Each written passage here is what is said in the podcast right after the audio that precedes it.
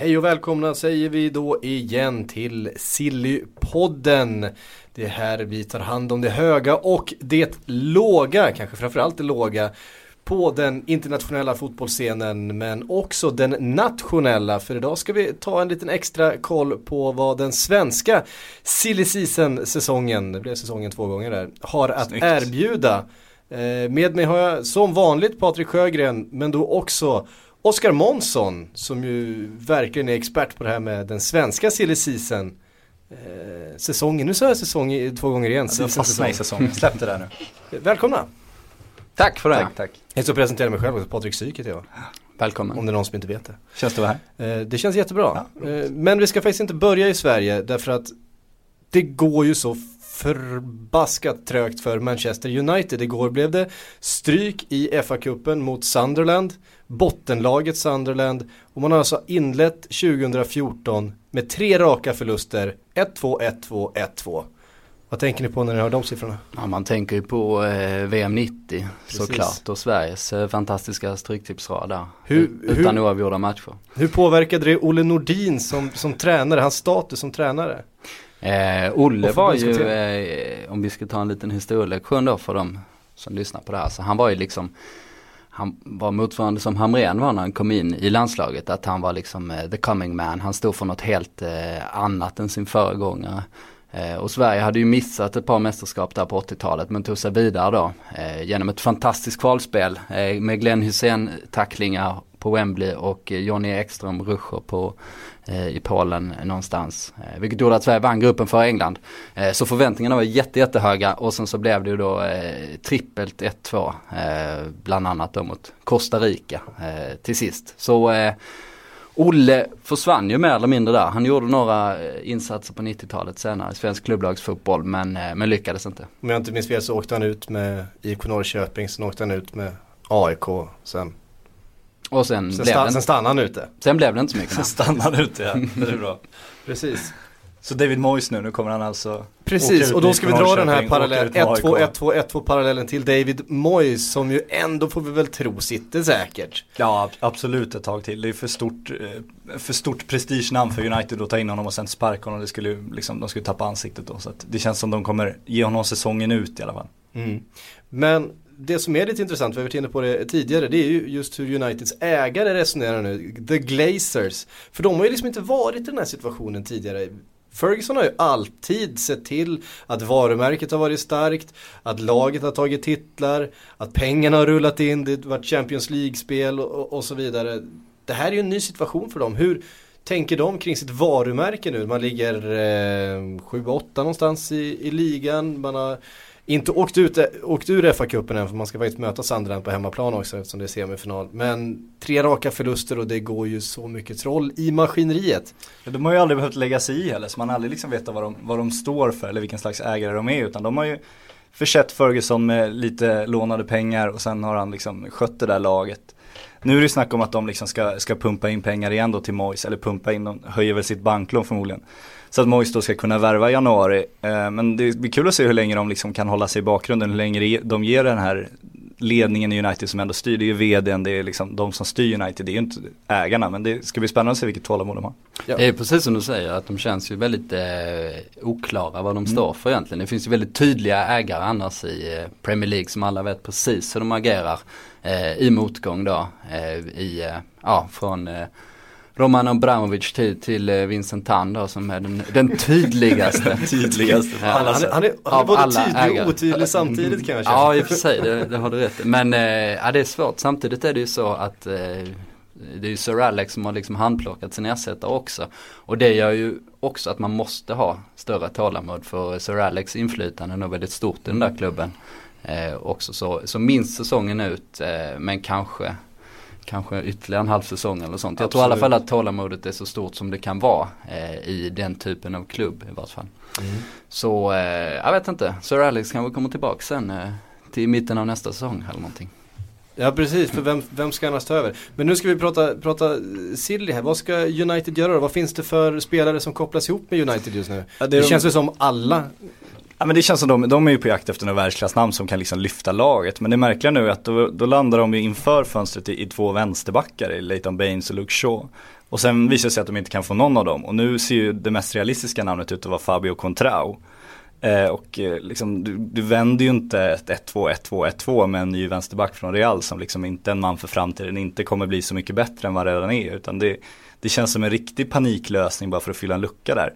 Och får de in honom, absolut, de har de en duglig vänsterback men de har ju fortfarande det här jättehålet på mittfältet som de inte har fyllt. Och där just nu finns det ju inget realistiskt namn som det verkligen snackas om. Så det känns verkligen som de gått i stå, som BBC också skrev inför fönstret att det känns som Mois, eller Mois är orolig. Han, han liksom förväntar sig att få vissa namn i januari och så insåg han där i slutet av december att det här, det här kommer nog inte gå. Mm. Om vi nu ska, för nu gäller det för United på något sätt att sprattla till. Man har ju hamnat på rygg här. Eh, det gäller att, att sprattla till. Och vad ska man göra? Det, money talks, det är väl det som eh, fungerar. För att i ärlighetens namn, man får inga, man får inga världsklasspelare till, eh, till ett mittenlag i, i Premier League för så kortsiktiga är ganska många världsstjärnor idag. Ja, ja det har alltid funnits en magi kring eh, United och eh, Sir Alex sätt att, att leda laget. Att Eh, medelmåtten har blivit bra Premier League-spelarna och de bra Premier League-spelarna har, blivit eh, världsstjärnor eh, i klubben.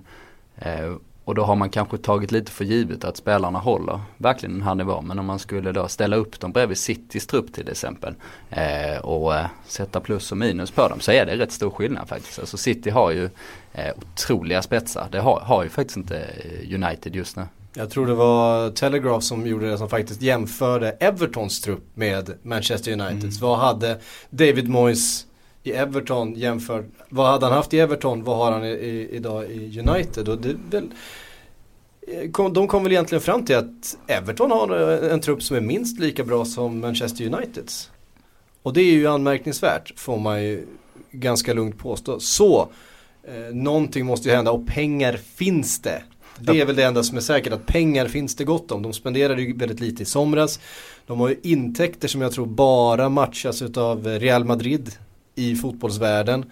Eh, och behovet är ju precis som vi är inne på enormt. Så Men vad det, finns det då? Det, det finns gäller ju att agera direkt nu. Det är det som är problemet tror jag, för om man tittar, fotbollsspelare är extremt historielösa. Titta på de dipparna Liverpool och Arsenal haft nu. Det berodde ju på att de inte hade så mycket pengar samtidigt som motståndarlagen då, det kom in stenrika miljardärer som pumpade upp de lagen. Och det hängde inte Liverpool och Arsenal med. Och de hade ju, de hade ju nästan, eller ja men lika stort starkt varumärke som United innan. Men helt plötsligt så kunde de inte få de här världsklassspelarna för att de hade inte de resurserna och de hade liksom, de kunde inte garantera spel i Champions League i Liverpools, för Liverpools del och, och Arsenal kunde liksom inte garantera att vi, vi slåss för titeln. Och där kan man se hur fort det går ut för liksom. Sitter United still nu och liksom inte riktigt får in någon nu det här januarifönstret, kanske i sommar också, då kan de vara där liksom att de håller på att kriga om Champions League-platser och de är inte längre attraktiva för de största spelarna. Så det känns som, de måste verkligen in tungt nu direkt och sen gäller det att övertyga den här världsklasspelaren om att vi inte är på väg ner och dippa utan vi, vi är på väg upp igen. Mm. Vem är den världsklasspelaren då? Ja, det enklaste är väl bara att byta färg på tröjorna helt enkelt. det, är, det är blått som gäller nu för tiden. In med en drake också. Ja, för fan. Bara köra. Manchester Dragons. Mm. Där har vi det. Tiger Dragons kanske Tiger Dragons. Och in med supersubben Ole Gunnar, ta han direkt nu också. Så ja, men, men, vad finns det då? Alltså, vad pratar vi? vi? Jag hade en lång konversation med, med, några personer på Twitter igår om Arturo Vidal som ju skrev nytt kontrakt nyligen. Men, men är den här en sån här världsklass eh, spelare som ju spelar dessutom i en klubb som är i ett visst behov av pengar. Som ju alla italienska klubbar är, även om United, eller Juventus kanske har lite bättre ställt än några av sina konkurrenter. Men då pratar du om att man, då måste man kliva in med drygt en halv miljard. Nästan mer i januari skulle jag säga. Han är ju Serie tveklöst bästa spelare men han har varit helt fantastisk. Jag är djupt chockad att han inte är med på Ballon d'Or-listan men den tar ju Fifa ut för att sälja tröjor av någon konstig anledning så de skiter i sådana namn. Men absolut, han hade varit ett kanonnamn men jag tror inte att han är till salu i januari. Det tror jag inte sekund på. Jag tror att det skulle vara för stor prestige Inte för 600 000? 600 000 tror jag inte, 600 miljoner kanske. Ja, 600 miljoner, förlåt. Du prutar lite. Nej, jag är svårt att se att Juventus skulle släppa honom nu för den prestigeförlusten. De är ändå ett projekt och de bygger och de är liksom på väg att ta över italiensk fotboll. Det finns ändå andra, andra liksom inkomster de kan komma att få av det. Och de har sin arena nu som de ska snurra. Så jag är svårt att se att de skulle liksom försämra sitt lag så mycket. Jag tror det skulle krävas ännu mer pengar då.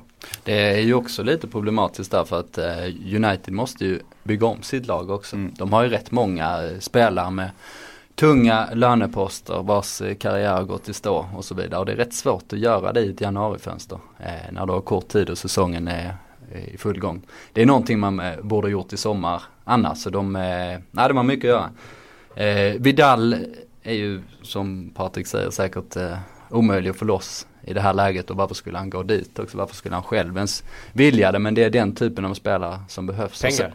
Det behövs otro otroligt mycket pengar i vanlig ordning. Eh, eh, om, man, om man tittar lite mer offensivt så, eh, så har de ju resurserna för att få Eh, eller de har ju spelarna som krävs redan men däremot har inte ja, van Persie åtminstone inte lyckats alls. För det pratas ju om att det finns en transferkassa som ska eh, vara någonstans upp mot 2 miljarder.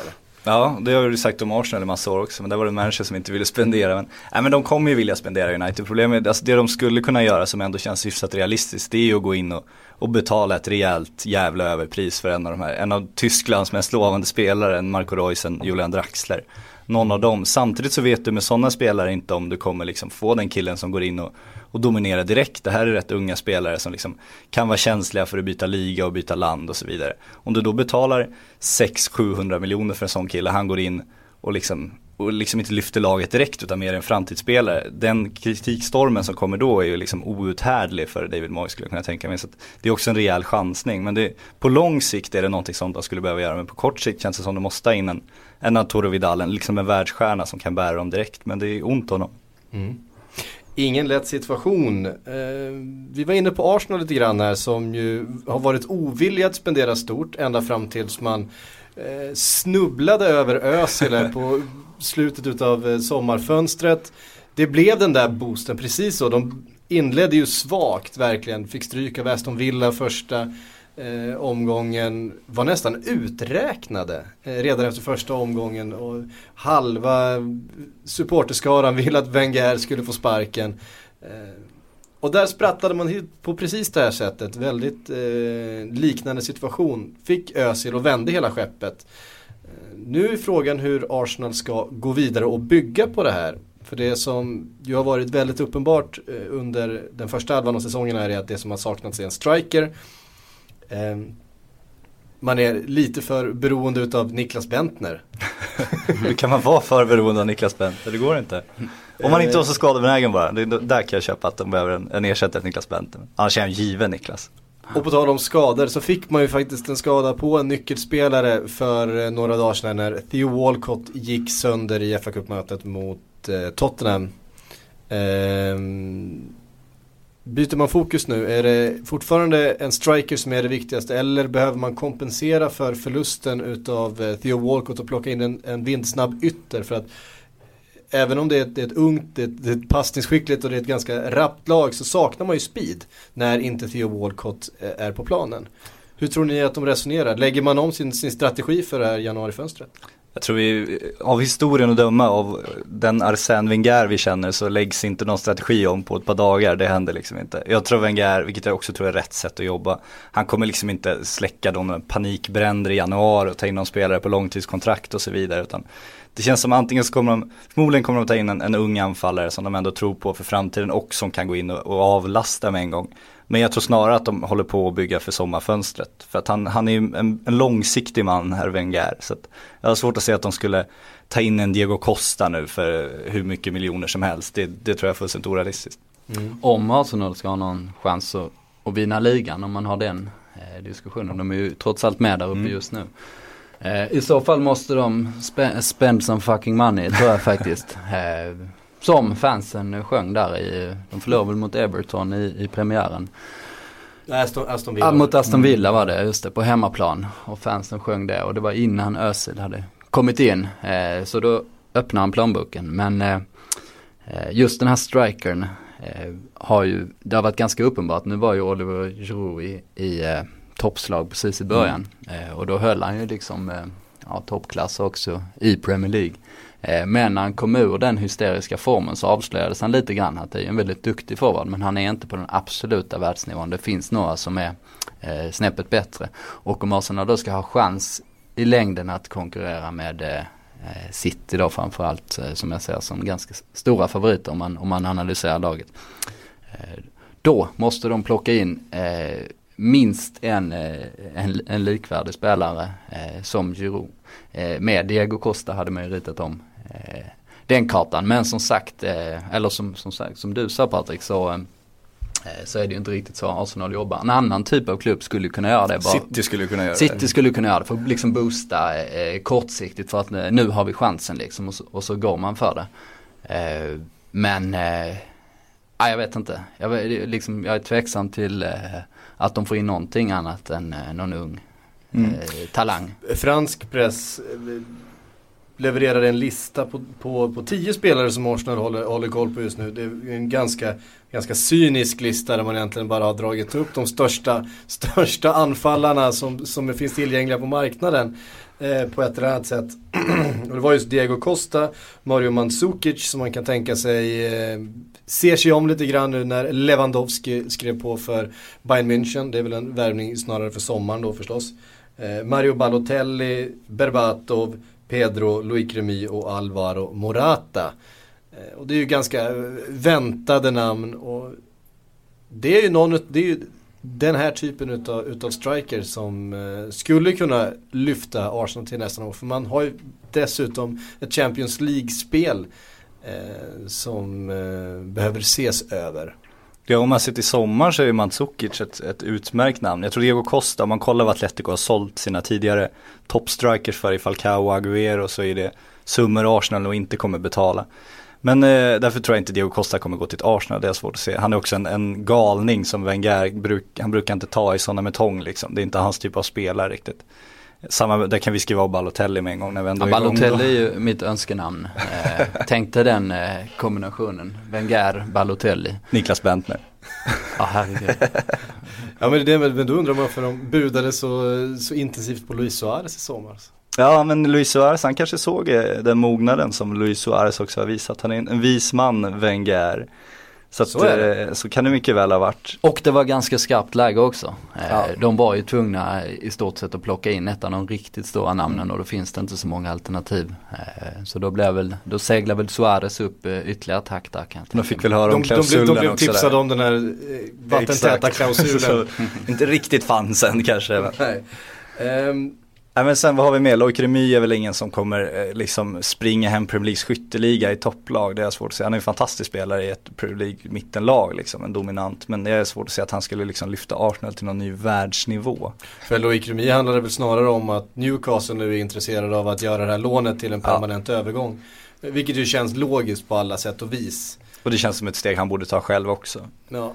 Eh, frågan är bara vad, hur QPR ja. resonerar om man nu är på väg att avancera tillbaks upp i, i, Premier League till nästa säsong. Så då behöver man ju onekligen en, en Loic Remy som väl var den enda spelaren som fick godkänt betyg efter förra säsongen. Ja.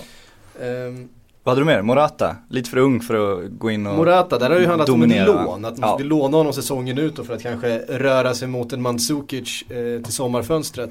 Och det är väl den här unga spelaren vi pratar om, en sån det kan bli då på lån med en eventuell köpklausul som man gör succé då så kan man lyfta över honom mer permanent. Men eh, han är ju Reals gunstling liksom, det får man inte glömma. Jag har svårt att säga att Real, okej okay, att Real skulle låna ut honom, men då behöver Real också värva en forward. För de har ju lite samma situation som Arsenal, de har bara Benzema och Morata. Och om de då skulle få in en forward och låna ut honom så är det svårt att säga att de skulle skriva in en klausul för att sälja honom sen. För att han är ju deras produkt liksom. Han är, han är den som ska vara det nya Madrid. Och att de då ska släppa honom till Arsenal, det känns väldigt tveksamt. Hade Morata varit fransman så hade han gått eh, till Newcastle. till Newcastle. Eh, nej men då hade han ju varit eh, perfekt i profilen liksom Absolut. för Arsenal. För då hade de, eh, ja då hade det funnits så många naturliga eh, kopplingar. Och det... Fransmän älskar ju Arsenal också. Ja. Ja det finns det historia där, men nu börjar det bli tyska Han har ju, de har ju ändrat fokus där nu. Nu är det nya Tyskland. Han är ju halvtysk Wenger, han pratar ju flytande tyska ja, och kommer från tyska gränsen. Eh, så att ja, det finns många träffpunkter där. Absolut. Och, och med det så rör vi oss till Tyskland. Oj. För vi var inne på Mandzukic här. Eh, som kommer få konkurrens i sommar om det är så att han väljer att stanna i Bayern München av eh, Lewandowski. Som ju var, varit den, den sämst bevarade hemligheten eh, i fotbollstransfers historia tror jag. Att, att Lewandowski eh, egentligen redan i somras var klar för, för Bayern München. När Bildt skriver, skriver om det då, då och det handlar om Bayern München. Ja, då, då, då, vet man Då nästan. brukar man eh, Carl Bildt eller? Säker. Ja precis, Carl Bildt twittrar inte. Men då är frågan hur Dortmund ska ersätta Leva. Ja, där har de problem kan man ju säga. Lewandowski är väl en av få anfallare i världen som liksom kan allt. Han jobbar stenhårt, han är bra, lite mer släpande, han är en målskytt längst fram, han, han är en bra targetspelare, han är en bra avslutare.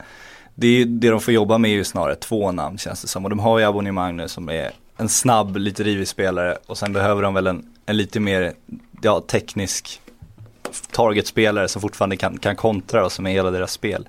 Och eh, lycka till att hitta den världsanfallaren i, i, i sommar, det känns väldigt svårt. Jag tror de det låter ju faktiskt som en Mandzukic. ja, ja, precis. Han är ju liksom skolad i ett, i ett liknande system. Eh, men det mest sannolika, oavsett vem man nu plockar in, är att man får helt enkelt möblera om lite i sitt, i sitt spelsystem. Mm. Man kommer ju fortfarande spela sitt, sitt gegenpressing men, eh, eh, men just eh, det du säger här med med Lewandowskis eh, mångsidighet eh, helt eh, osannolikt skräddarsydd för den här rollen liksom och hans eh, egenskaper då som han haft från början och som han format i Dortmund har ju i mångt och mycket varit grunden till att de spelat som de gjort och nått de framgångarna. Mm. Mm. Eh, så där finns ju inte ersättaren som går in och gör samma sak. Samtidigt har ju Dortmund eh, väldigt mycket på plats. Så även om det är en svår position att ersätta så betyder det inte att laget faller. Det är ingen omöjlig uppgift på så sätt. Mm. Men kanske, kanske har man hittat den framtida ersättaren. Vi fick en fråga här eh, ifrån Jonte Tengvall som kallar sig för Fernando Bob. På, Bara så? på Twitter, det tycker jag är ganska roligt. Eh, han ställde frågan så här, Dortmund skulle låna in någon ung japan. Vem är det? Ja det är ju Mitsuru Maruka som vi känner väl till, en, en 17-årig japan som, eh, ja, som kommer nu den 6 januari kommer han på sin 18-årsdag. Eh, och han är där 18 månader, lånaffär. Eh, ska vi säga en teknisk mittfältare, gjorde sig känd i Japan som hockeyspelare faktiskt, slog igenom i japanska U20-landslaget där. Väldigt konstigt, och så var han med i japanska Idol också. Eh, första året sjöng Take Me To Your Heaven av någon anledning, jättekonstigt. Nej jag skojar bara. Eh, vi googlade hans namn gjorde vi, han heter alltså Mitsuru Maroka, det är ungefär det vi kommit fram till. Han är 17 år och mittfältare, eller 18 år nu. Men tack Jonte för den frågan. Ja, tackar vi för. Vi vet ingenting, men han ska vara lovande. Men jag älskar att vi får de här frågorna då. Jag älskar att ni engagerar er där ute. Ett sätt att engagera sig på det är ju att eh, snappa upp alla våra konstiga vad Eh, och när vi får diskussioner mellan, mellan oss som sitter där så mynnar det ofta ut i att den som förlorar i den här tvisten måste utsättas för något. Eh, så också förra podden där eh, du Patrik och mm. KK inte riktigt kunde komma överens om vad som skulle hända med Draxler. Nej, KK hävdar ju att han kommer flytta nu i januari redan och jag hävdar ju att han inte kommer flytta i januari. Jag känner mig extremt trygg med det här än så länge och jag blir ännu mer glad över när vi fick in det här fina förslaget på vad KK då ska utsättas för om han förlorar det här vadet. Ja precis, för vi, vi, vi bad våra lyssnare komma fram till något lämpligt straff då för den som får fel. Eh, och det straffet skulle då vara det var någon som kom med förslaget att eh, vi skulle plocka upp den här gamla klassikern från i somras där Erik Niva skulle sitta med en William-peruk på sig på deadline day om William skulle bli klar för Tottenham. Alltså, du skulle till och med gå ut på stan med den. Ja precis, ungefär samtidigt som han sa det så jinxade han hela affären och William ja. blev klar för Chelsea. Um, så vi får väl se här nu vad som händer. Ja. Kan och då kom då det här fantastiska uh, förslaget från uh, en Nilsson 1996 på Twitter. Han tyckte vi skulle förnya eh, samma koncept eh, och bära backslick, solglasögon, odla mustasch och Cardiff-tröja, hashtag tann.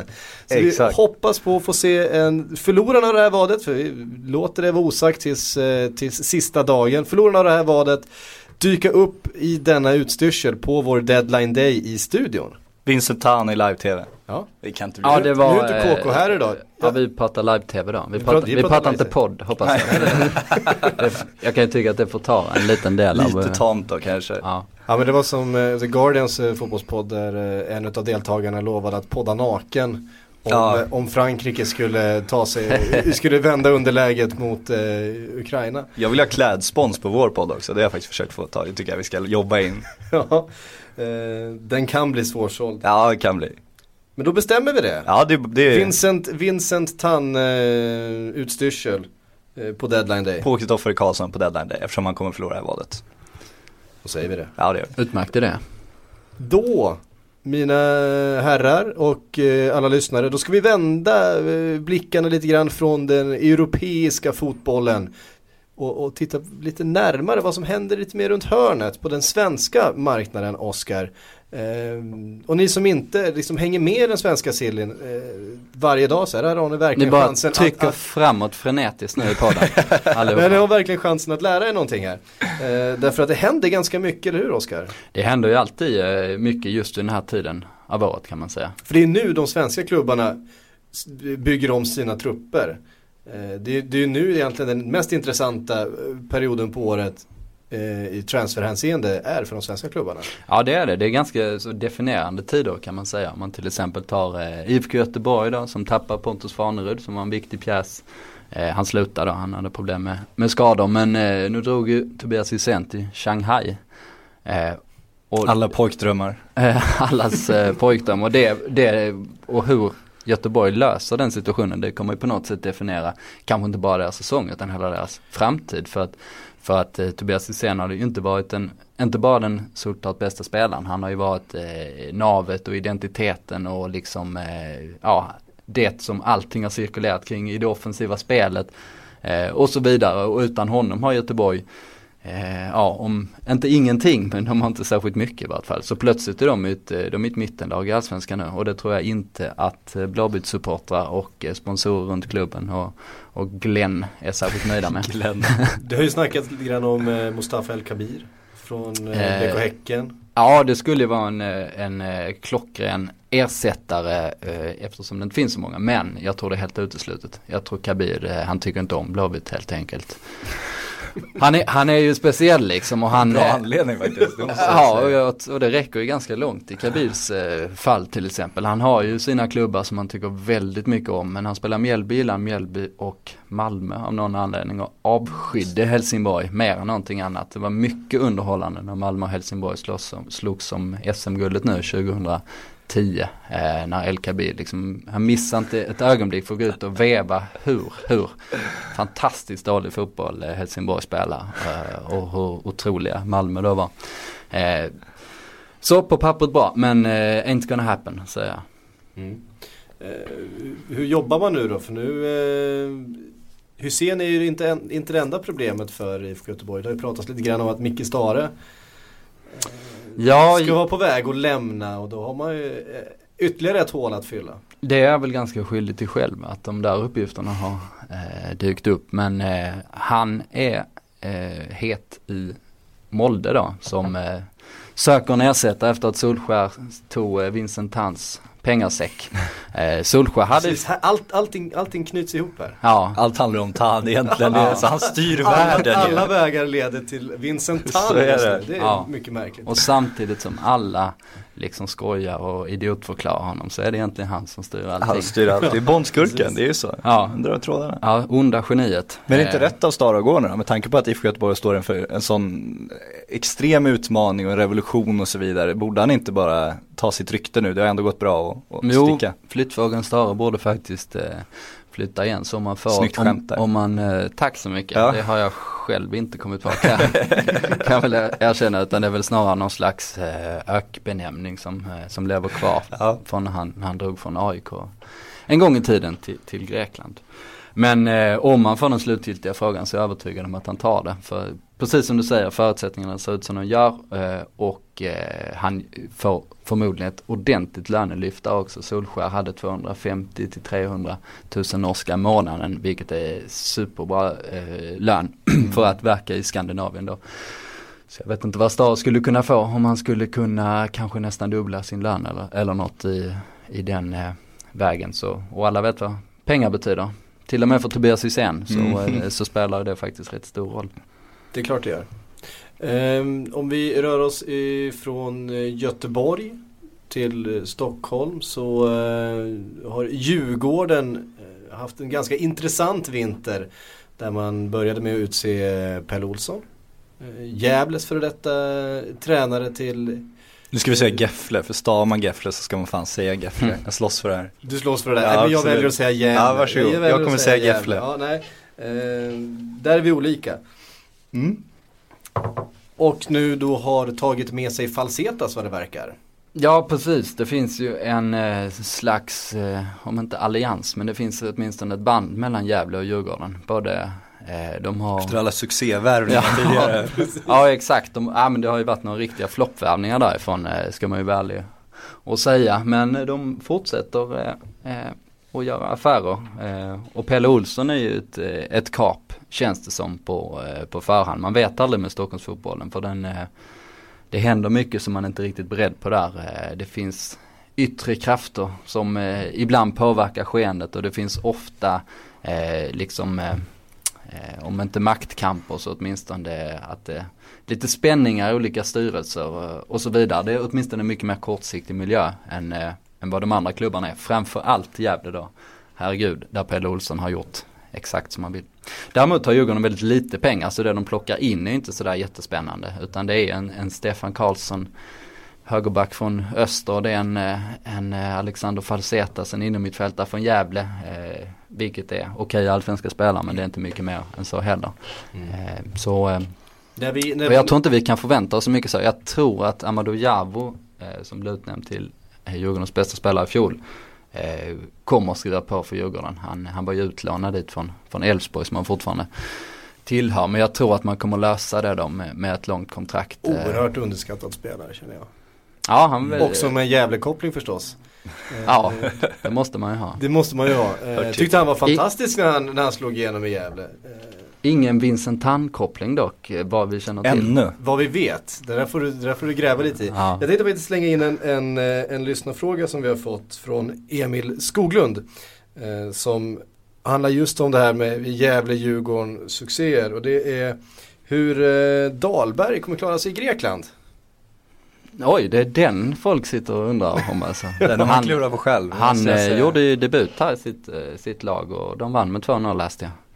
Och enligt, och enligt Patrik Mörk ja. som är Dahlbergs agent eh, så spelar han fram till ett bortdömt mål.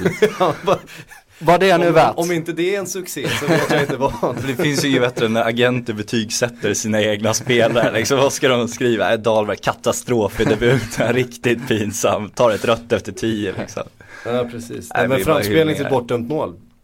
Eh, sämre kan man ha det. Så kan det vara. Ja. Men om vi ska ta en annan. Det var ett eh, stickspår, jag bara kände att den, eh, den kom rätt precis. Ja, absolut. En kom, ja, Dahlberg kom alltid rätt. Vi var inne på Pelle Olsson. Men de sprids ju vind för våg de allsvenska spelarna. Det är ju inte det här klassiska längre att man går till Danmark eller Norge eller till någon större liga utan nu är det ju money talks där också liksom. Ja det är ju den här nya fotbollsekonomin som Erik Niva brukar skriva böcker ja. om. Eh, men den flyttas ju eh, ganska mycket österut. Den, flytt, den flyttas i olika väderstreck i vart fall. Mm. Det har blivit en ny marknad för svenska spelare. Till exempel, själv var jag i Azerbajdzjan i somras och träffade Sebastian Castrotello. Eh, Hammarby-spelaren som inte ens, han var väl tredje val på sin position i laget som då kom femma i superettan. Men han fick ett kontrakt med eh, en klubb i Baku, huvudstaden mm. i Azerbajdzjan. Eh, och då, vilket, och just i Azerbajdzjan var andra svenskar också. Och då var jag där eh, på ett av jordens märkligaste ställe i en helt ny oljeekonomi med galna klyftor och oändlig rikedom eh, snedfördelad då liksom. Och, och han förstod inte alls vart han kommit men han tjänade ju ganska bra. Nu är han dock tillbaks igen. Eh, ja, inte så oväntat kanske. Det är som de här hockeyspelarna som åkte till Italien och blev proffs i italienska ligan för att det var soligt emellan matcherna liksom. Det ja. känns så lite samma nu för fotbollsspelarna. De drar och får lite behag lite tag liksom. Ger upp sina karriärer lite men. Nej men det är ju ett äventyr. Absolut. Hur, hur mycket spelar det in just för den här typen av över, övergångar? Eh, Visst, man, ja, kan tjäna, man kanske tjäna några extra tusenlappar på en säsong men eh, att få prova på någonting annat. Absolut, och man, eh, det ni vanligtvis diskuterar här det är ju affärer för eh, hundratals miljoner då. Eh, och då spelar inte de där faktorerna in utan då handlar det ju verkligen bara om att ta nästa steg sportsligt, nå den absolut högsta nivån och vara den rätta pusselbiten. Men, men givetvis om man håller på eh, på den nivån då och kanske en, en hyfsad eh, allsvensk spelare i den eh, i den kategorin så självklart så eh, är det ju häftigt att sticka iväg på något nytt. En annan Hammarby-spelare som det har pratats om, Kristoffer Lalé till exempel, han sticker ju till, till Tampa nu, USA och det mm. handlar ju mest om att han ville spela musik där och sen så hittade han en, eh, en klubb där han kunde spela fotboll också. Så, så äventyret, det är klart det spelar roll. Ja. Eh, när vi är inne på Bayern så har ju de ett, ett projekt på gång. Projekt, ja det har de. Projekt är ju modeordet eh, Eh, inom de internationella fotbollsövergångarnas eh, fantastiska värld. Och, och, Hammarby har ju ett, sannerligen ett projekt på gång med eh, Nanne från, från Kalmar FF. Eh, hur har han skött sig så här långt under det här fönstret och, och eh, hur, vad tror du om, om chanserna för Hammarby? Eh, ja de har ju ett litet så här football manager projekt eh, på gång. Du vet när man eh, börjar med ett lag i andra divisionen och eh, sparkar 70% av alla spelare och sen så plockar du in vad du har råd med liksom från, eh, från Bosman marknaden och så vidare. Eh, det är Mats Ingblad då, sportchefen som håller i trådarna men det är han och Nanne jobbar väldigt tajt. Så de har ju dammsugit den svenska marknaden då och plockat in ganska bra spelare får man säga för, eh, för nivån. Eh, tuppen då med vad, vad är det för spelare de har plockat in från som eh, De har plockat in eh, Stefan Batan, vänsterback från, eh, från Assyriska, Marko Mihailovic, mittback från, från Brage. Ett Brage som släppte in ett par hundra mål den här säsongen. Tog det med mittback men eh, Mihailovic var faktiskt ganska, ganska bra där. Eh, konstigt nog. Har man Dooley framför sig så ska man döma för sina defensiva insatser. Liksom. Och Tower till vänster då. Precis. eh, och de har plockat in Amadia Renni, ytter från, eh, från Degerfors. Eh, och eh, ja, lite, lite smått och gott. Men har man inte väntat på det? För jag tycker det känns som Hammarby har ju ett namn som liksom kan attrahera vilken svensk fotbollsspelare som helst. Så de borde ju kunna ta liksom bara russinen och kakan i superettan liksom, och allsvenskan också med spelare som kanske har utgående kontrakt och så vidare. För att de har ju varumärket, de har publiken som gör att de lockar dem. Ändå så har de liksom tagit halvbra spelare från USA och grejer. Jag har aldrig förstått vad de hållit på med liksom. Nej, de har ju eh, gjort en väldigt märklig satsning. Alltså, den hänger ihop med deras samarbete med, med eh, LA Galaxy då som har samma delägare som, mm. som Hammarby och de tog in Greg Beerholt och den här, en tränare som aldrig tränat ett lag innan eh, och så vidare på grund av att mycket på grund av att styrelsepersoner och amerikaner sitter i styrelsen ja. på mandat av, av eh, det här Anschutz Entertainment Group då som eh, äger 49% i klubben då så mycket, så mycket man får mm. då i det här i det medlemsstyrda Sverige så, eh, så jag tror ju mycket, mycket mer på den här satsningen de gör. Och apropå att attrahera spelare då. Inom mittfältet har de byggt med två spelare som var ganska bra i Mm. eller en som var väldigt bra i Allsvenskan i fjol, en som var bra i Allsvenskan tidigare då, Erik, Erik Israelsson i Kalmar. Eh, som gjort många bra säsonger, som var skadad visserligen förra året. Och eh, Johan Persson, eh, en underskattad mittfältare från Öster då. Inga spektakulära namn men eh, om man håller till på den nivån som de gör så, så är det ju bra. Mm. Däremot så vet man inte hur, hur lätt det är att få ihop ett lag på så kort tid liksom och det funkar i gruppen och så vidare. Så, så Hammarby är ju eh, så lovande ut på pappret men, men eh, fortfarande bara ett stort frågetecken egentligen. Vi men, pratade om Real Brage eh, inför förra säsongen. Vi pratade om ett Real Bayern inför den här då. Eh, nej jag tycker inte riktigt det ändå. För i så fall hade man plockat in eh, Dooley Johnson. eh, nu, nu har man ju värvat eh, lite mer strategiskt och eh, lågmält då kanske. Eh, snarare än vad Brage gjorde. Vilket, eh, ja märkligt att många kan gå på en sån, ett sånt uppenbart ja. luft, luftslott som det var. Eh, den där ballongen skulle spricka snabbt. Men det, det kul. behövde man, kul var det ju, absolut. Men det är väl Bayern Kalmar, inte det han gör nu Nanne lite? Han tar bra spelare som folk inte riktigt tyck, tycker är så bra som de egentligen är och så gör han dem ännu bättre på något sätt. Det känns som strategi. Ja så är det. Det är ju eh, som någon skrev att bönderna tar över ja. Stockholm. Eh, vilket kanske är vad Stockholm behöver. Precis. Så kan det vara. Eh, för en liten eh, stund sedan, det var väl igår tror jag, så utsåg du dessutom den sämsta värvningen eh, i Allsvenskan någonsin. Ja den rubriken satt där den skulle. Sämst, sämst devis någonsin. Eh, som vi hade i vår papperstidning då. Ja. Eh, Vad har du fått för reaktioner på det? Eh, inte så mycket faktiskt. Eh, med tanke på eh, ja, hur mycket jag tog i då liksom. Eh, när jag satte Daniel Majstorovic allra högst upp på den skalan. Men å andra sidan så är det väl ganska svårt att argumentera emot med tanke på vilken otroligt stor satsning det var när, när AIK plockade hem honom. Eh, vilka förväntningarna var, eh, hur retoriken lät både från klubben och från Majstorovic själv som då satsade mot VM 2014. Mm. Eh, och efter ett antal slätstrukna insatser där han dessutom eh, tog plats då framför de här, eh, AIK har ju tre väldigt duktiga innerbackar då, som, som alla är bättre än Majstorovic. Åtminstone, det, eh, åtminstone den statusen som Majstorovic hade. Innan det här berömda bråket då brakade loss och en, eh, en schism då mellan eh, tränare och spelare som man, ja man har ju knappt sett något liknande på så sätt. Och nu till sist då nådde man bara någon slags ekonomisk uppgörelse vilket i slutändan var det enda möjliga utvägen. Mm. Så en monumental flopp med allsvenska mått. Pengar ut ett helt år för ingenting, lite så. Ja, verkligen. Men okay, vad, vad, har vi mer för stora misslyckanden? Jag, jag, kont jag kontrar med Marino Ramberg till Blåvitt, det var ingen bra värvning Djurgårdens gamla brassefåra där, Crinho. Ja den är ju Den är rätt saftig också. Ja den är svårslagen också och eh, en rolig detalj där i sammanhanget är att vår förra kollega David Tannensapp som skrev mycket om, om Stockholmsfotbollen här för, för några år sedan eh, skulle ranka de tio hetaste nyförvärven i Europa. Ja. Och då smög Corinho till Djurgården in på den listan på en tionde plats. Inga förväntningar på den killen liksom. Det är underbart. Jag älskar det ryktet också, det här är ju inte sant, men det finns ju ett rykte att de skickar fel brasse till Djurgården.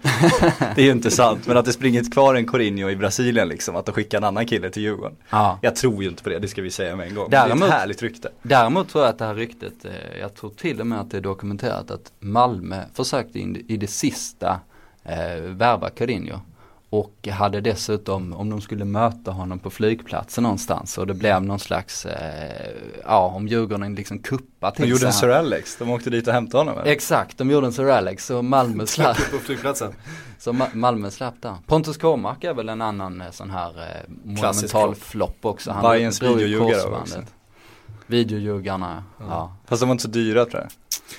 Nej, de var inte så dyra men de kom i ett väldigt intressant skede. Ja. Ja, med otroliga förväntningar på sig. Ja.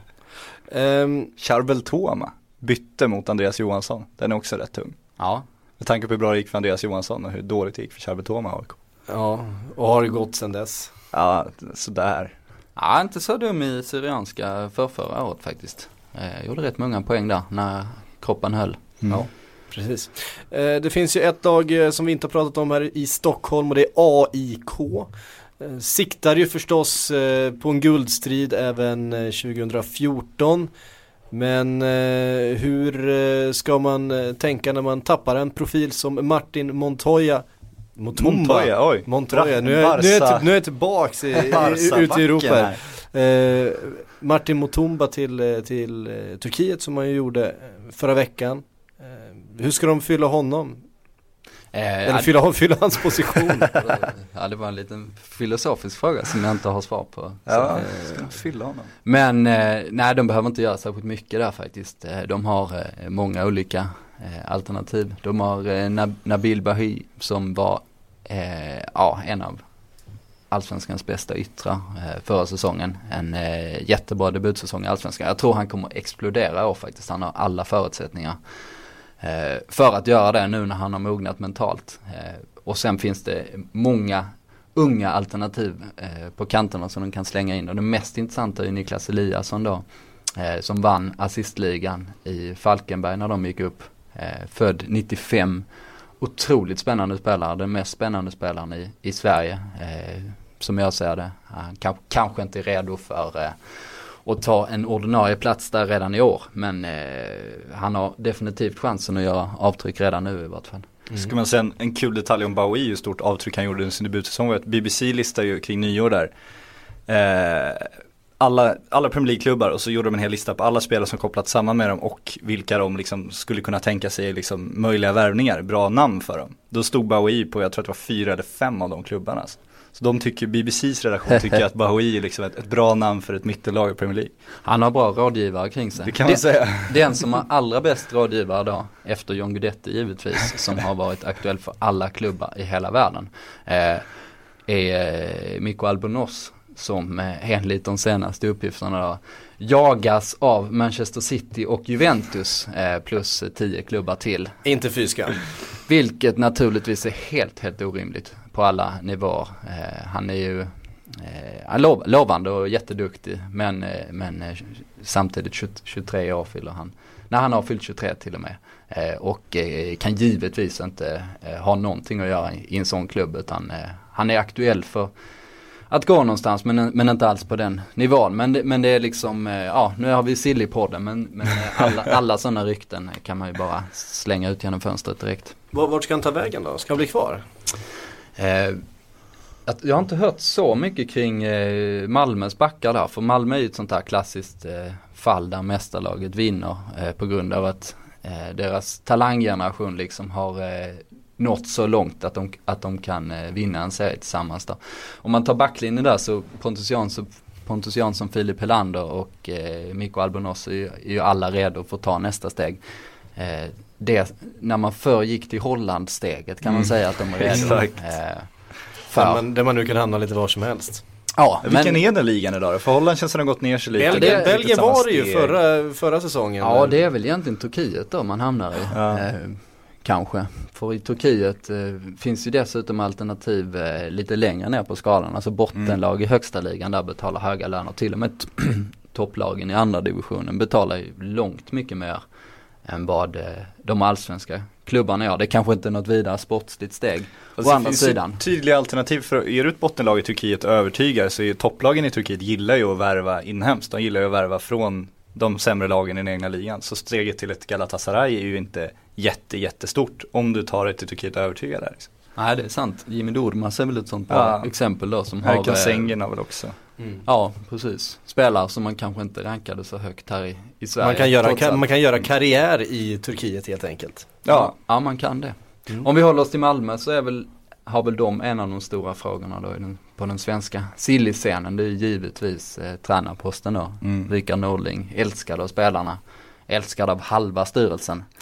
inte av sin sportchef. Eh, stack ju då. Eh, plötsligt liksom när eh, han har tagit ett ungt lag där han har format spelidén eh, och eh, de ska ut och kvala till Champions League. Det är liksom drömpositionen om man håller sig i Sverige. Mm. Man får inte så många lägen eh, där man befinner sig i ett sånt skede. Och då stack han ju till, eh, till Norge då helt enkelt. Eh, bara på Malmö har gett sig ut på tränarjakt, lyckades inte få Ronny Daila eh, som är lite av Norges motsvarighet till Nordin kan man säga. En väldigt skicklig tränare då, eh, säger alla man pratar om. Mm. Eh, och nu lutar det väl åt att man plockar in Åke Hareide då, vilket känns lite som en hockeytränarlösning. Att man tar ett, ett trött gammalt namn och löser situationen kortsiktigt. Ja det känns ju inte som framtiden. Nej, det gör det verkligen inte. Finns det några andra spännande nyförvärv från eh, utanför allsvenskan som har kommit in så här långt?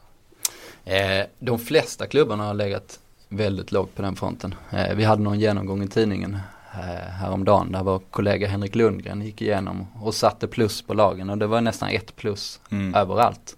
Eh, klubbarna har eh, inte värvat eh, särskilt bra eller särskilt mycket överhuvudtaget. Så, så det får man bara vänta och se känns det som. Mm. Är det något övrigt som ni vill tillägga när det gäller just den, den svenska marknaden? Eh, nej, jag börjar bli lite torr i halsen här nu så ja. eh, vi kanske ska gå tillbaks. hälsa lyssnarna vi, välkomna kommer, tillbaks. vi, vi, ja, precis. Vi, vi, vi kommer återkomma faktiskt lite grann för vi ska ta lyssnarfrågor nu. Vi har fått in jättemycket fina frågor. Eh, faktiskt en hel del som rör just den svenska silly eh, och vi börjar väl där. Vi börjar med en fråga ifrån eh, Viktor Åkesson.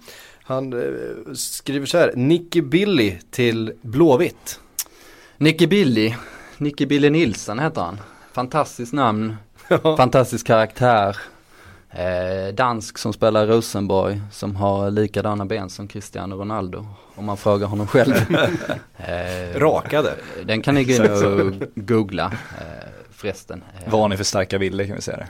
Lite så. Eh, jag, jag, tror inte det kommer bli av. Jag har ingen närmare info där men, men det känns ju som att eh, han skulle ta ett, ett, steg ner där, Rosenborg till, eh, till Göteborg. Eh, däremot är ju Göteborg som vi var inne på i akut behov av eh, klassspelare, framförallt offensivt. Mm. Eh, då rör vi oss tillbaks ut i stora världen. Nu kan det komma lite vad som helst. Nu skjuter vi vilt. Nu, nu är det Twitter nämligen som ja. bestämmer vad vi ska prata om. Är du Scott? Kan hamna var som helst. Så är det.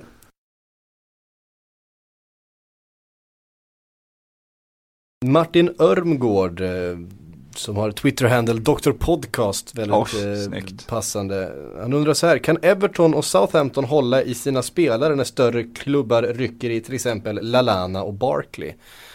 Och där är ju frågan, för ska man då som Manchester United eh, förnya, föryngra, förbättra sin, sin trupp och dessutom försöka göra det med spelare som inte har spelat Champions League så är ju det här alternativ som skulle kunna vara intressant. Det har ju pratats om eh, ett monsterbud på en halv miljard för en eh, Ross Barkley till exempel, vilket ju är vansinniga pengar för en spelare som har levererat i, ja, totalt en säsong då, mm. eh, ungefär. Men förstås en jättetalang. Nej men det man kan se, de försökte med Leighton Baines i somras, det gick ju åt helvete för dem. Eh, och det känns som Everton, de släppte Fellaini då till slut. Eh, det är svårt att säga att de skulle fortsätta liksom skicka sina toppnamn till United. Vi pratar prestige igen, det ska ju till ett rejält överbud framförallt i januari.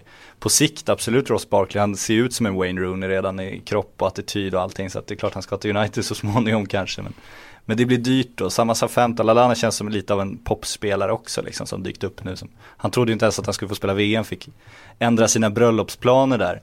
Så det visar hur, hur, stora förväntningar han hade på sig själv innan säsongen. Han trodde ju inte heller på den här succén. Alltså den storyn har jag missat. Han, han skulle gifta sig eh, samma datum som det var VM då. Så eh, frugan eh, frågade honom, du, eh, inte fotbolls-VM då? Och så kom han på, Jo fan det är det ju. Och så nu har han blivit aktuell då. Vad sa han? Sen, han sa nej eller? Han... Nej, de fick panikgifta sig nu i en liten ceremoni för ett par veckor ja, sedan bara. Och sen, och sen Walcotts skada så är han ju ännu mer aktuell. Absolut, men det känns som det, ingen går in så tungt på honom i januari. Absolut om han presterar fram till sommaren är han ju ett namn, men det känns också lite tveksamt. Det är samma Luke Shaw har ju klubbar dragit i evigheter där också, en av Englands mest lovande spelare, vänsterbacken där. Och United verkar ju ha försökt med honom också och inte lyckats. Och om United inte lyckas dra loss dem där så det, jag vet inte om det säger mer om United eller om att Everton och Southampton gör bra grejer, men de lyckas i alla fall övertyga sina spelare om att inte grina ner sig fullständigt för att de blir blåsta på United-drömmen som kanske inte är så himla stor nu längre. Problem, problemet, problemet med att värva från eh, Premier League eh, det positiva är ju alltid att man vet vad man får men ofta är ju att priset stiger så otroligt snabbt mm. Eh, och popspelare kan vi prata om eh, Ja, vi, pratar, som, vi pratade som sagt om en halv miljard för en Ross Barkley. Vi pratade tidigare här om en halv miljard för Arturo Vidal. Som då, eh, ja kanske topp tre, topp fyra i världen på sin position. Mm. Och där kan vi faktiskt inte tillräkna Ross Barkley. Eh, han kanske är topp fem i Premier League. Det fanns ju en klubb som gick in med de här summorna för engelska spelare för ett par år sedan. De heter ju Liverpool och vi vet ju hur det gick för den, med den satsningen. Så att det är extremt övervärderat de engelska spelarna. Mm. Um, Robert LFC Johansson, vi kan väl gissa att han håller på Liverpool, eh, skriver så här. Kan det verkligen stämma att Chelsea grinar på Liverpool för Moses speltid? Och skriver man kontrakt om speltid vid lån? Eh, och på den andra frågan här så kan man säga att ja det, det händer ju att man gör, att det ingår vissa ekonomiska fördelar med att låta en spelare spela ett visst antal minuter och sådär. Eh, och ja, det stämmer väl eh, kanske, för att det här är uppgifter från engelsk press, de ska man ju ta med en viss nypa salt. Eh, och det skulle ju handlat då om eh, övergången utav eh, eh, den Chelseas vänsterback. nu tappar jag hans namn, måste jag tänka efter. Han heter så mycket som Bertrand, heter han det? Ja, Ryan Bertrand. Prata Precis. Om får jag klippa lite här.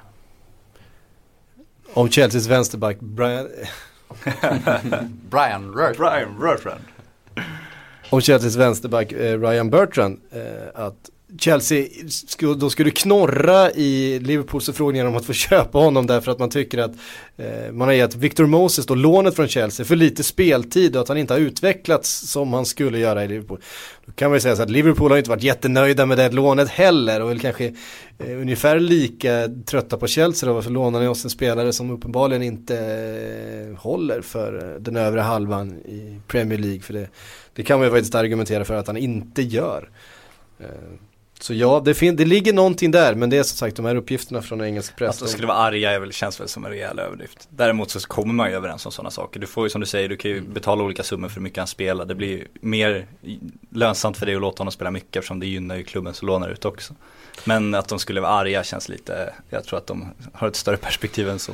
Ja, eh, det tror jag också. Det är möjligt att de är arga men, ja. men eh, i själva förhandlingssituationen så tror jag att man bara ja, man försöker ju göra lösningen till den bästa för, för sig själv helt enkelt. Ja. Mm.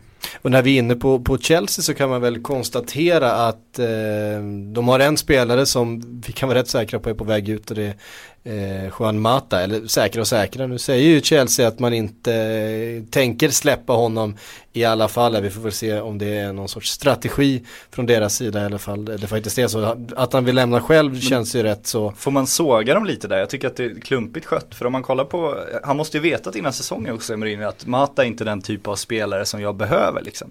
Hade de då släppt Mata i somras så hade han ju tingat ett jävligt högt pris liksom.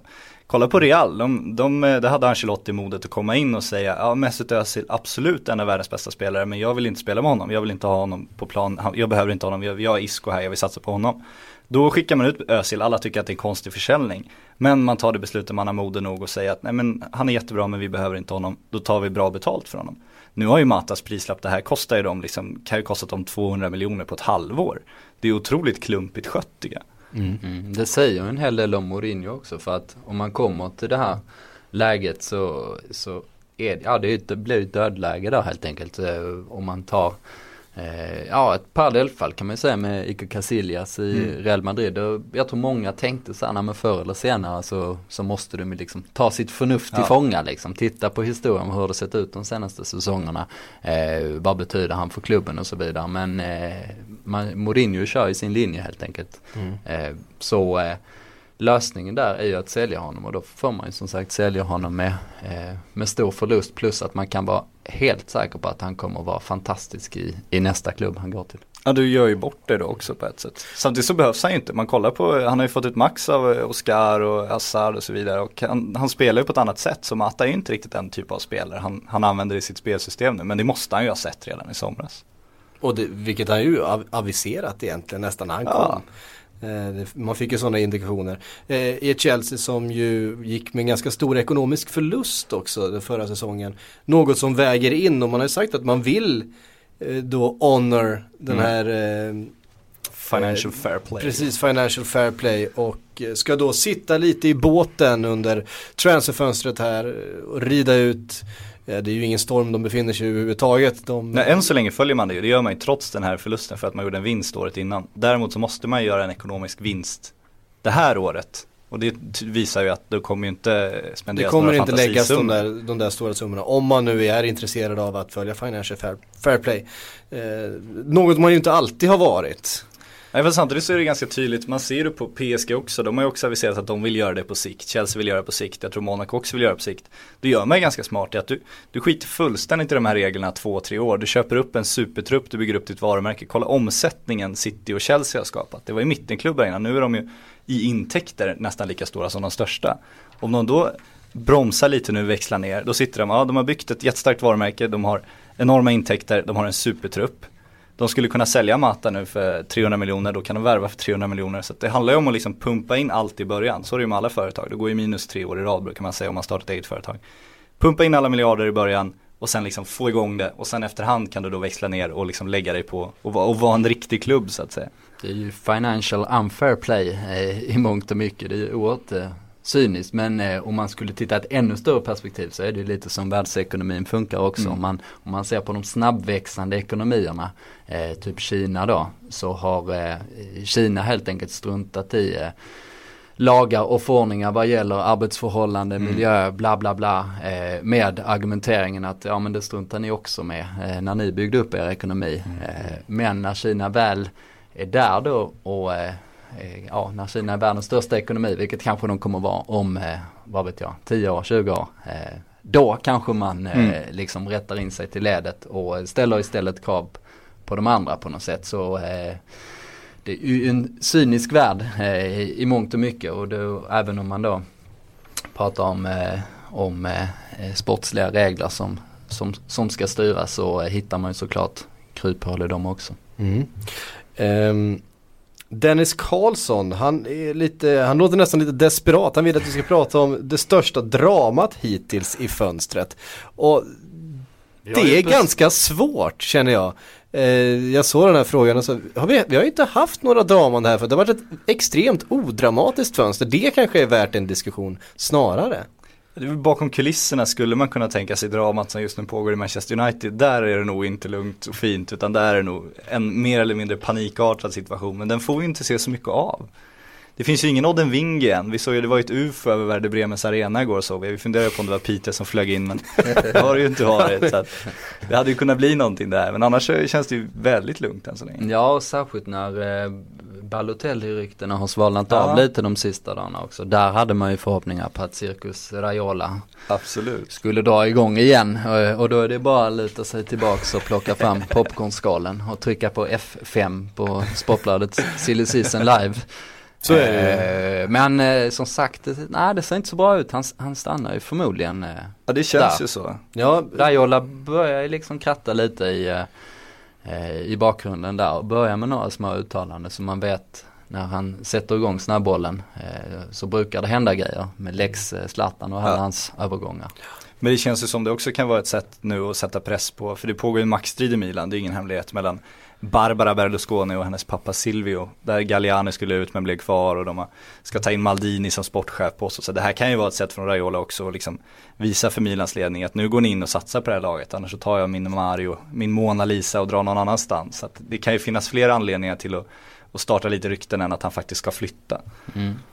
Um, ett minidrama Uh, skulle väl kunna vara Napoli och Lyon uh, i dragkampen om Gonalons och det här 14 eh, miljoner pund stora budet. Eller ska vi säga 16-17 miljoner euro eller 2, ja, 150 miljoner någonstans eh, kronor för Gonalons som man trodde skulle gå igenom men där eh, Lyons president eh, klev bara rakt ut och sa nej det blir ingenting vilket gjorde Napoli och Benitez minst sagt irriterade.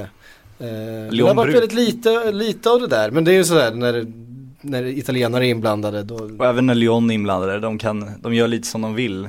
Kim Källström var väl eh, på väg till Valencia där, någon klassisk övergång men fick, fick nej i sista stund och lite sånär. Så att de eh, resonerade, de är inte rädda för att ändra sig i sista stund om man säger så. Nej så är det. Ett drama var ju givetvis Solskär till eh, Cardiff med alla de ingredienserna Eh, Sir Alex som gick eh, ut och avrådde honom från att gå dit. Och apropå cynismen vi pratade om tidigare så den eh, hurtige, godmodige Olle Gunnar fick ju gå och då försvara Vincent Tan och sa att nej han är inte alls som ni tror. Eh, vilket säger en del om, om pengars värde. Jag eh, får någon slags parallellbild här till Dennis Rodman åker till Nordkorea. Ja, ja, ja. Eh, Dennis Rodman, eh, Kim Jong-Un. Eh, du jämför nu alltså Vincent Tan och Kim Jong-Un, det tycker jag är intressant. Ja men jag får lite light-vibbar här liksom eh, på, på... Har han slängt sin farbror till hundarna? det är lite oklart. Men. Uh, ja, som sagt, men det var min, för, mitt lilla favoritdrama. Uh, jag gillar din liknelse, det måste jag säga. Ja, tack. Jag tror det finns mer sanning där än vad vi någonsin kan ana också. Uh, vi var ju inne en liten sväng på Milan och då plockar vi upp en fråga från Jesper Svensson. Han vill helt enkelt att vi ska prata lite om, om Milans silly än så länge och i synnerhet Honda som ju är en av få spelare som faktiskt är, har presenterats. Nu var väl det klart redan i somras att han skulle, att han skulle presenteras nu i januari, men nu är det klart. Mm. Och, eh, och kom snart till flygplatsen och såg ut som Niklas Alexandersson. Jag var chockad måste jag säga. Samma frisyr, samma det där, Det där får stå för dig ja, kan jag, jag känna. chockad. Eh, men vad säger vi om den här övergången? Keisuke Honda, det kan bli lite vad som helst va? Ja men det är lite så här, de, de tog in Kakao, och han kändes som, eh, som en kille de tog in för att liksom lugna fansen och fylla luckan tills Honda kom. Men nu har ju Kakao varit riktigt, riktigt bra. Han gjorde väl två mål senast och spelade fram till någon, någon 18-årig debutant där också. Så att, eh, då ska de få in Honda och Kaká i det där laget. Och nu har de lite angenäma problem med två riktiga jokrar. Om båda nu visar sig prestera så kan det bli spännande. Mm. Jag tror, eh, eller det kan ju vara ett tecken på att man inte riktigt litar på Kaká ändå ja. på något sätt. Att man, eh, man plockar hem honom som en, eh, en prestigevärvning och en crowd pleaser mm. framförallt. Eh, och sen så visade det sig att eh, fan han var ju rätt bra fortfarande. Mot, oj. oj, mot alla odds. Eh, Honda är väldigt förtjust i som, som spelare. Tycker att han har många egenskaper som verkligen passar i den moderna fotbollen. den snabba offensiva mm. fotbollen. Så potentialen finns där absolut. Mm. Jag håller med, jag gillar också honom, jag tycker han är fantastisk i, landslaget där man ofta ser honom. Jag rattar ju inte i ryska ligan varje vecka på tvn trots våra svenskar där. Men...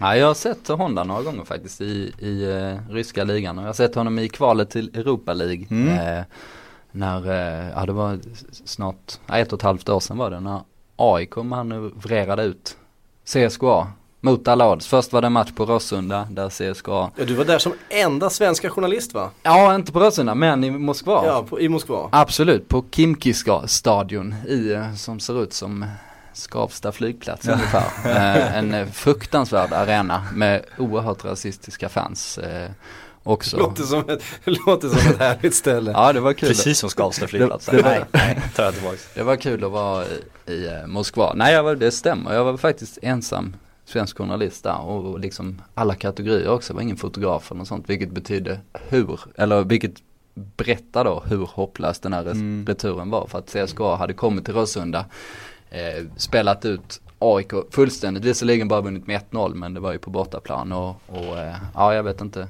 vad oddsen var och eh, CSKA är ett, ett kul lag att titta på. Eh, Elmo Wernbloom, defensiva, eh, i ett 4-2-3-1 de är inga stjärnspelare men de, eh, de platsar trots allt. Men de offensiva spelarna där, de är Zagojev, eh, ryska nummer 10, eh, Zoran Tosic, Tos, Tosic, eh, den serbiska yttern som värvades av United som superlöfte för, för ett antal år sedan och så. Och Honda då, eh, som en offensiv trio på mittfältet var otroligt sevärt. Mm. Eh, men den här matchen, den, den kommer. Bragdens mamma. Bragdens mamma. Bragdens mamma. Ja, Wernbloom förklarar väl CSKA-taktiken med att eh, han och M tar bollen och sen ger de den till stjärnorna. Ungefär så han har sammanfattat det. Stämmer väldigt väl faktiskt. Ja. Vi, kast, vi, kastar in en sista fråga före vi måste knyta ihop säcken här. Um, och det är Ted Ström som vill veta om Tottenham. Och han vill veta om Lamela på utlåning, den storvärvningen från i somras som inte har blivit mm. någonting av. Som, eh, det, enligt uppgifter haft problem med språket och inte kommit in i gänget och haft det lite trist helt enkelt i, i norra London. Hur man nu kan ha det. Han, Ted undrar också om forwards in ut, han undrar om vänsterback, behövs det någon ny Coentrao eller kan man ta tillbaks Benoit Asso Ekoto? Mycket snack om det. Det är mycket snack om det. Ja, men om man ska säga det, skulle man kunna, det, det, skulle man väl kunna göra det ska man, i och för sig. Det beror på hur avtalet är skrivet. Det påstås ja. att man ska kunna göra det. Sen ska man väl värdera också, ska man ta tillbaka honom då och ha någon sån slags breddspelare där. Jag vet inte om det, eller om det är bättre att låta honom fortsätta säsongen där han är. Det man har hört om Lamela, hans farsa påstås ha pratat med italiensk media och sagt att Erik inte trivs i London, att han vill tillbaks till Italien. Och, men att de skulle låna ut en sån dyr spelare liksom, de tjänar ingenting på att låna ut honom till Italien. Då, har de, då kommer samma problem kvar om ett halvår. Han kommer inte att anpassa sig till England efter, bättre efter att ha varit i Italien ett halvår till. Liksom. Det är om de ska sälja honom då till Italien och då ska någon italiensk klubb ha råd att betala ungefär lika mycket som Tottenham betalar för Erik Lamela och då kan vi skriva av det med en gång. Så det, de sitter i en, eh, en märklig sits där. De, de sitter också med en ny tränare som man inte riktigt vet vad han Eh, hur han resonerar kring de här spelarna och eh, till Tottenhams offensiv. En Tim Sherwood som ju eh, inte var den som köpte in Lamela utan det, det gjorde ju Vias Boas eller det gjorde i ännu högre utsträckning eh, sportchefen. Ja, och en, en, de har ju en sportslig ledning också som, ja, men som gillar att sälja dyrt och som tänker mycket på ekonomin känns det som. Så att de ska skicka bort Lamela vind för våg nu, det känns väldigt tveksamt. De borde ju behålla honom ett halvår till, verkligen göra allt de kan för honom. Ge honom alla chanser i världen, kanske inte i A-lagen, men alla chanser i världen att anpassa sig, verkligen hjälpa honom vid sidan av planen och försöka jobba in honom. För de har ju ett enormt reservkapital där. Och gör man en sån stor investering så är det ju en ens skyldighet att liksom göra allt man kan, i alla fall ett år tycker jag. Mm. Men det känns inte som att Tim Sherwood och Erik Lamela är någon eh, perfekt kombination. Nej, det håller jag med om. På så Nej. sätt, vilket inte kommer att underlätta hans... Tim, Tim eh, Sherwood tillbaks till grunderna, 4-4-2, eh, sätta defensiven. det är ju inte se... riktigt där man petar in en Erik Lamela. Nej och det är lite det klassiska problemet då när spelare till exempel från, ja, från Serie A och La Liga tar steget i Premier League. Vi har sett det ganska mycket. Det är inte bara akklimatiseringen utanför planen. Utan eh, ja, det finns ju kulturskillnader på planen. På planen också. Eh, så eh, ja, det där ser väl inte helt eh, klockrent ut. Mm. Sen får vi se om Tim Sherwood är mannen som tar Tottenham in i framtiden. Han fick ju ett längre kontrakt nu men jag är fortfarande, jag tror fortfarande inte att de fick han. Ja, jag tror fortfarande inte att det är han de de tänkt sig ska bygga om laget så att säga. Jag har väldigt svårt att se nu. Han fick, li han, han, fick lika många månader som den här japanske 17-åringen till Dortmund. Vi, ja, exakt. Kan vi se vem som klarar sig längst? Det kan vi göra. Ett litet vad där mellan de två. Ja, precis. Det var faktiskt avrunda den här Sillypodden. Vi är tillbaks när ni minst anar det. Så, så funkar ju vi